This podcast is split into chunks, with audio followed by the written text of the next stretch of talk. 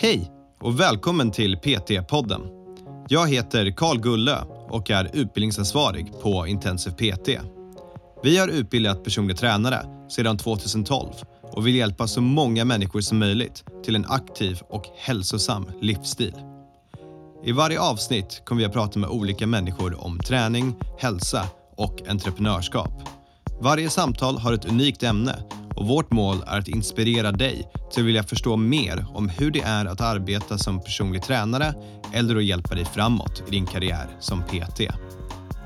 Lite i sitt liv som man lyckas köpa de här sakerna så inser man ganska snabbt att okej, okay, så kul som jag tycker det är att köra den här Lamborghinin, det väger inte upp allt annat som är runt omkring den.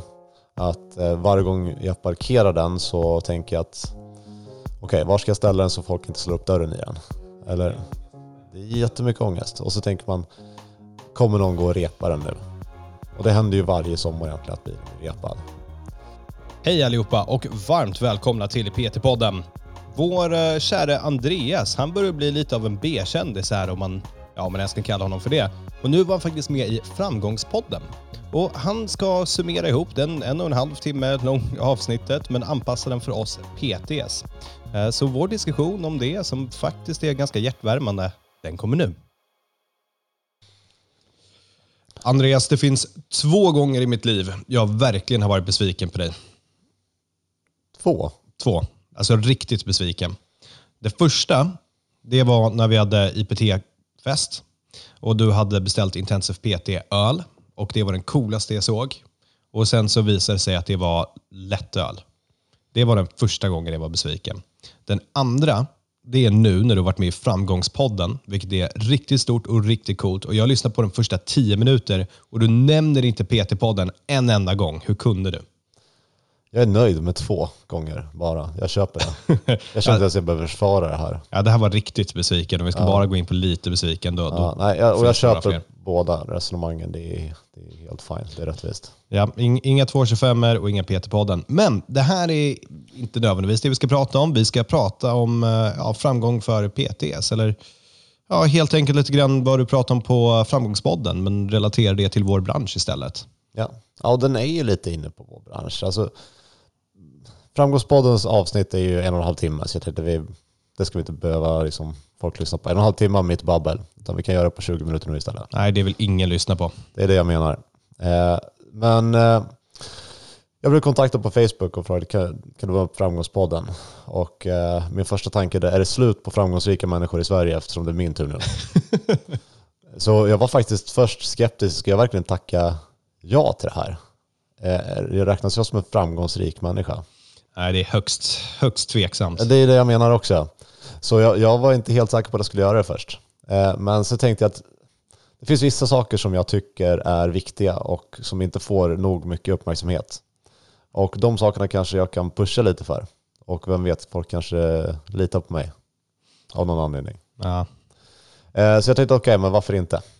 Och eh, de här podcasts, jag gillar det forumet för att det är ganska lite modererat. Man kan prata om lite vad man vill. Ja. Det är precis det vi gör i PT-podden också. Vi väljer ett ämne som vi tycker att men här finns det saker som vi kan förmedla kunskap till andra människor. Och då får vi prata om det helt fritt. Ja, och sen så sitter jag och editar bort de största dumheterna som du säger. Ja. Eh, men eh, fokuset mycket här ligger på att man ska kanske rikta sin uppmärksamhet utanför sig själv. Att man kanske inte lever ett egoistiskt liv. Okej. Okay. Och eh, de flesta som lyssnar på den här podcasten, de kommer redan ha den inställningen. För att du lyssnar på en podcast som heter PT-podden. Ditt yrke, eller förmodligen det yrket som du vill ha, handlar om att hjälpa andra människor. Eh, och eh, för min, min resa då i det här har varit att eh, jag började som personlig tränare och eh, tänkte att då kan jag hjälpa 20 personer, 30 personer. Och genom åren så blir det ganska många personer som jag kan hjälpa till ett bättre liv. Jag tänkte att okej, okay, om jag startar ett gym då, eller om jag startar flera gym, då kan ju hundratals personer vara medlemmar på de här gymmen. Och då blev det så. Och så tänkte jag, men hur kan jag hjälpa ännu fler? Men om jag utbildar personliga tränare och eh, utbildar tusen personliga tränare som var och en har 30-40 klienter per år så blir det en otroligt lång reach. Men jag nämner också i Peter-podden att det som händer då är att om du går från lång för långt från källan till vad det faktiskt är du gör så kommer du sakna alltså, grunden i ditt yrke. Så den, det jag upplevde när jag såg klienter bli glada, jag såg att de fick resultat av träning, den biten försvinner när du kommer långt från det. Så när du har ett gym, visst du ser människor bli glada inne på gymmet men det blir inte samma sak. Du har inte en personrelation till den här och i PT-utbildningen så jag vet att intensiv PT hjälper ju förmodligen fler människor än vad någon gymkedja gör i Sverige för att de personer som kör med våra personliga tränare får resultat. Men jag personligen ser inte så mycket av de här resultaten. Nej, och det där är ju um, en, nack, en mänsklig nackdel. Att när du börjar jobba mer med admin så fokuserar du in dig på det negativa. Om någon är missnöjd eller om någonting har blivit fel eller om det är någonting på gymmet som inte funkar. Du, du ser inte de positiva förändringarna uh, som händer. Nej, och, och de sakerna får man ju ganska mycket när det handlar om stora mängder människor. Mm. För att om vi har 2000 elever och eh, man vill att alla ska få samma positiva upplevelse. Men eh, om vi säger att vi har 0,1 procent av de här personerna eh, liksom formatet kanske inte passar dem. De kanske märkte mitt i PT-utbildningen att jag vill inte vara personlig tränare. Jag ångrade mig. Och den personen kommer inte få en lika bra upplevelse av utbildningen som någon som verkligen tog sig igenom hela och blev klar och började jobba med sitt jobb. Absolut. Och de ser man ju på ett helt annat sätt. De, det de säger väger in rätt mycket. Eh, Medan när du jobbar med personlig träningsklienter, det är aldrig någon som är missnöjd. Mm. Någonsin. Du får egentligen bara glädje rakt igenom. Ja. Och du hinner ta den timmen till varje person och se till att de får det de behöver. Ja, jag, jag är... När vi har liksom Intensive PTs Instagram och vi följer ju hur mycket PT som helst. När de lägger upp sina såna meddelanden av kunder som har smsat dem och skrivit hur tacksamma och lyckliga de är för att allting har gått så bra för dem och hur deras liv har förändrats. Jag blir både glad att se det, men också lite avundsjuk. För det där saknar jag som fan. Ja, ja. Och så fort man kommer bort från det så märker man att ja, det var ju faktiskt det här som gjorde att jag drogs till yrket från början. Ja. Så för alla de som tänker att ja, men nästa steg för mig är att eh, öppna ett eget gym. Och visst, det kommer vara en helt ny resa på ett helt annat sätt och du kommer kanske till och med ha, kunna ha lite personliga träningstimmar. Men var beredd på att det som drog dig till det här yrket och den här branschen från början, det kommer försvinna lite grann. Ja, alltså en negativ kunds upplevelse väger mer på dig än vad tio kunders positiva gör. Eh, och det är när, när du jobbar inom den rollen. Liksom. Och det är, jag tror, en av orsakerna till varför vi blir trötta, det är inte för att vi um, jobbar dygnet runt, för det gör vi gärna för det vi gör. Men just att vi brinner så mycket för att vi verkligen vill hjälpa folk. Och då när du har folk som inte är nöjda, när det kommer, det väger så otroligt mycket tyngre än de hundratals människor som är nöjda. Och det tar på krafterna. Ja, och, och så, det är ju inte helt eh, ovanligt att se heller att klienter är missnöjda med sina PTs. Jag, jag har haft tur och det har inte hänt mig i någon utsträckning. Men eh, det tar ju väldigt hårt på de personliga tränarna om man inte lyckas leverera resultat. Och det behöver ju inte alls vara på din sida, utan du kan ju ha klienter med psykisk ohälsa Ja. som bara är missnöjda med i stort sett allt. Ja, Och alla som har haft de här klienterna vet nog precis vad jag pratar om. absolut. Eh, Men avsnittet heter ju vårt avsnitt då framgång som PT. Ja. Och eh, det är egentligen det absolut bästa framgångstipset som jag kan ge tror jag. Det är att Starta aldrig ett gym eller PT-utbildning. nej, men så, så länge du är i branschen av rätt anledning så kommer du bli framgångsrik. Gör du någonting som du tycker är kul så kommer det bli framgångsrikt. Och det spelar nästan ingen roll vilken definition man använder på framgång. Om du ser framgång som någon som får väldigt mycket resultat med dina klienter, du kommer vara den personen. Ser du framgång som någon som eh, säljer väldigt många timmar personlig träning, du kommer vara den personen. För så länge du är där du ska vara och du vill vara där så kommer det gå bra i slutändan. Så man ska inte ens titta på sådana här saker som det är ganska lätt att börja i fel ände. Att man eh, räknar på sin omsättning och sin marginal och hur många timmar man behöver investera och sin timlön och allt sånt här. Eh, för går man på den då ska man ju egentligen jobba inom IT eller jobba inom finans eller någonting sånt här om det är liksom det som är din definition. Eh, men starta någonting inom någonting som du tror på Mm. så kommer det bli framgångsrikt. Du nämnde ju i början här att det handlar om att gå utanför sig själv och inte innanför sig själv. Ja. Ehm, förutom bara då att Jag menar, steg ett, placera dig i ett yrke där du får hjälpa folk. Klart. Hur fortsätter man den processen? Hitta andra sätt att göra det på. För mig har det varit väldigt mycket med välgörenhet. Det är något som jag pratar i Framgångspodden om också. Att eh, det, finns, det finns så få saker som, eller inga som kan hända mig som jag uppskattar lika mycket som någonting positivt händer någon annan. Ja. Och det tror jag också att man behöver själv uppleva för att, eh, för att förstå till 100 procent. Som, eh, jag har alltid tyckt om att ge pengar till eh, hemlösa hundar och, och hela den verksamheten. Och det har alltid känts bra. Men nu när vi har adopterat en, en hund från Irland så kan jag känna varje gång jag ser den hunden ha det bra, springa runt och leka eller ligga och sova i en soffa och veta att den har gått från att kanske bott på gatan och kanske blivit slagen till att ha det här livet just nu. Så det är någonting som jag varje dag kan få glädje av. Eh, jag kommer ihåg när vi var på Malta något år för länge sedan, du och jag. Ehm, och så sa du, det finns ett dog shelter här. Jag vill eh, åka dit med hundmat. Och jag var liksom bara, okej, varför swishar vi dem inte bara? Men ja, ja, okej. Okay. Så gick vi och köpte två gigantiska säckar med hundmat som var hyfsat tunga. Och så tog vi en taxi, men den droppade oss långt borta från där vi skulle vara. Eh, Och jag var liksom bara, men kan vi inte bara swisha dem? Nu, nu löser vi det här. Du, nej, vi ska gå. Vi ska gå och hitta det här stället. Och vi gick i timmar med de här 20 kilo säckarna hundmat för att hitta det här dog shelteret. Och mycket riktigt, när vi kom dit och fick dela ut hundmaten, då, då kände man sig riktigt bra om sig själv. Jämfört med att ligga på poolen och swisha tusen kronor. Ja. Och sen kan man också tänka tillbaka i sitt liv. Hur, hur många sådana situationer kan man komma på som man har känt att man har gjort någonting som är 100% positivt och inte egoistiskt utan bara, bara bra. Och de är typ inte så speciellt många de, de tillfällena. Nej, inte för de flesta människor. Jag, jag skämtade ju här i början på avsnittet sa att det är två gånger jag varit otroligt besviken av dig. Och de stämmer. Det är otroligt många gånger jag också varit väldigt stolt och väldigt imponerad. Ehm, och du är verkligen en av de mest generösa människorna jag vet. Och jag, jag vet att du kommer hata att jag sitter och säger det. Men det är sant. Ehm, och ja, du verkar må bra, eller? Ja, oftast gör jag det. Och sen så, jag har också en lång väg att gå. Jag ser mig själv som, eh, jag kallar mig själv minimalist. Och för er som inte vet vad det är så är det en person som, eh, är väldigt liten. ja, där- då är jag nog långt borta.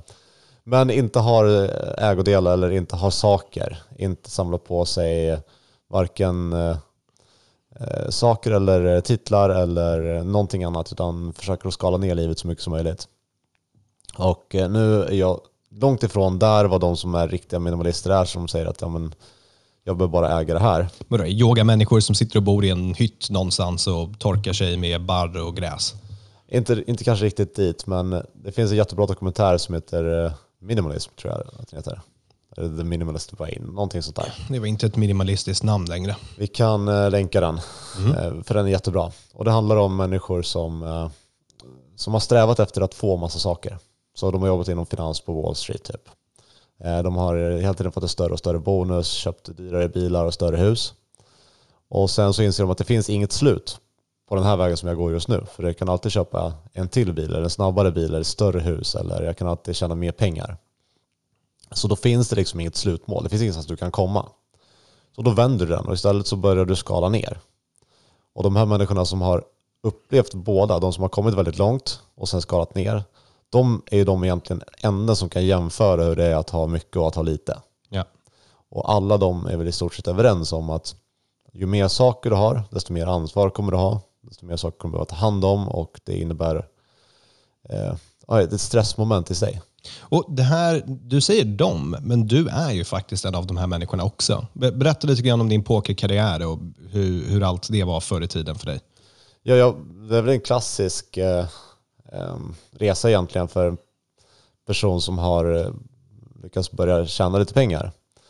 Så tänker man att ja, alla de här sakerna som eh, Eh, när man var liten så kollade man i biltidningar och såg eh, Ferraris och Porsche och Lamborghinis och det var liksom supercoolt. En sån ska man ha då man, då är riktigt framgångsrik.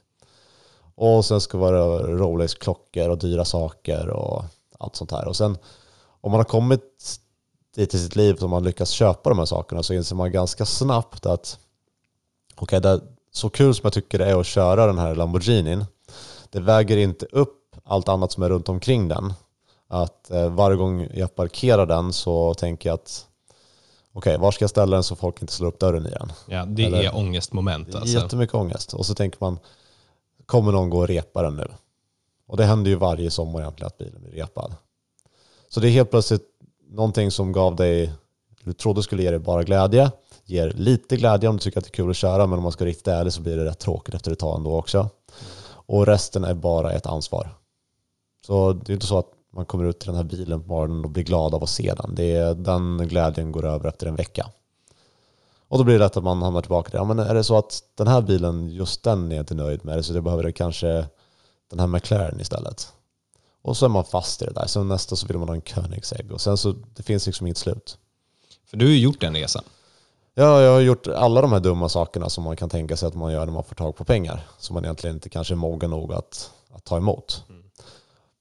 Då bränner man dem på massa dumheter. Jag undrar hur...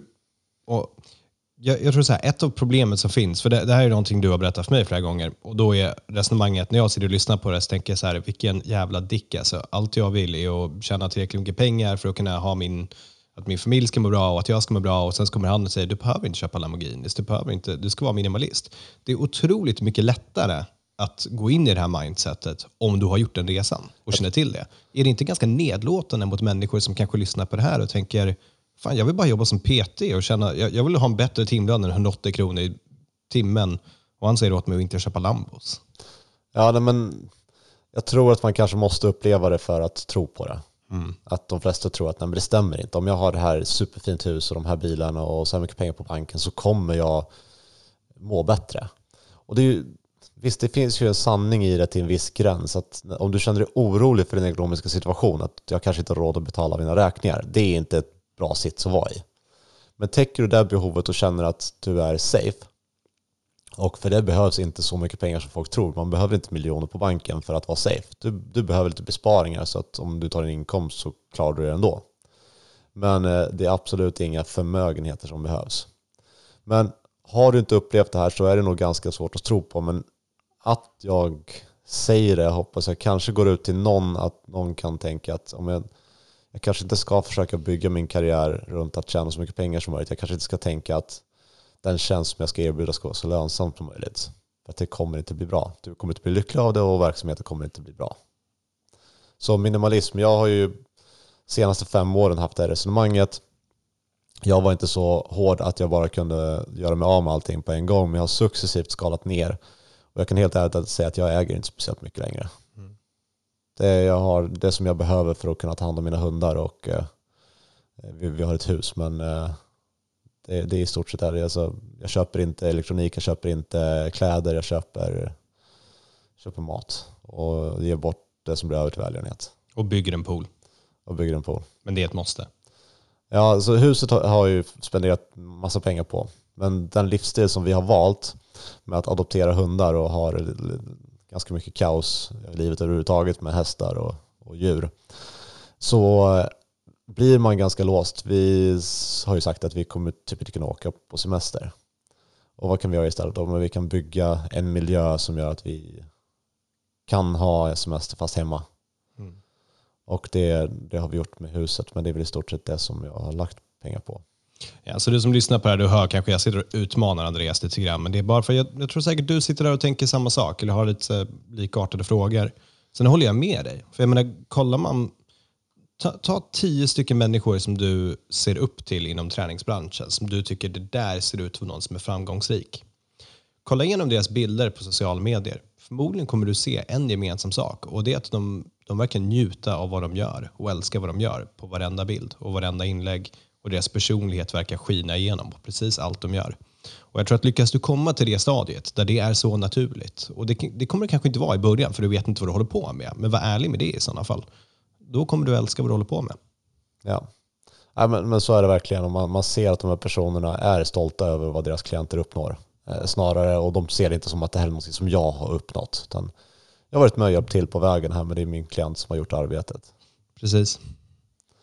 Eh, ja, men det är väl en sammanfattning ungefär vad jag pratar om på en halvtimme i Framgångspodden. Jag tror inte vi behöver ha det så mycket mer så. Eh, Vi nöjer oss där. Eh, Enkelt sammanfattat, vad, tänk på vad du vill göra med ditt liv. Gör det och eh, jaga inte saker som inte har betydelse i slutändan. Ja, tack Andreas. Vi hörs hörni. Ha det bra. Ha det bra.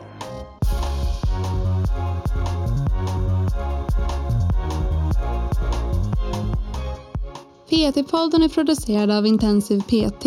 Om du vill veta mer om våra utbildningar och gå med i nätverket av framtidens personliga tränare, gå in på www.intensivpt.se. Vi har kursstarter varje månad och du kan studera helt i ditt egna tempo.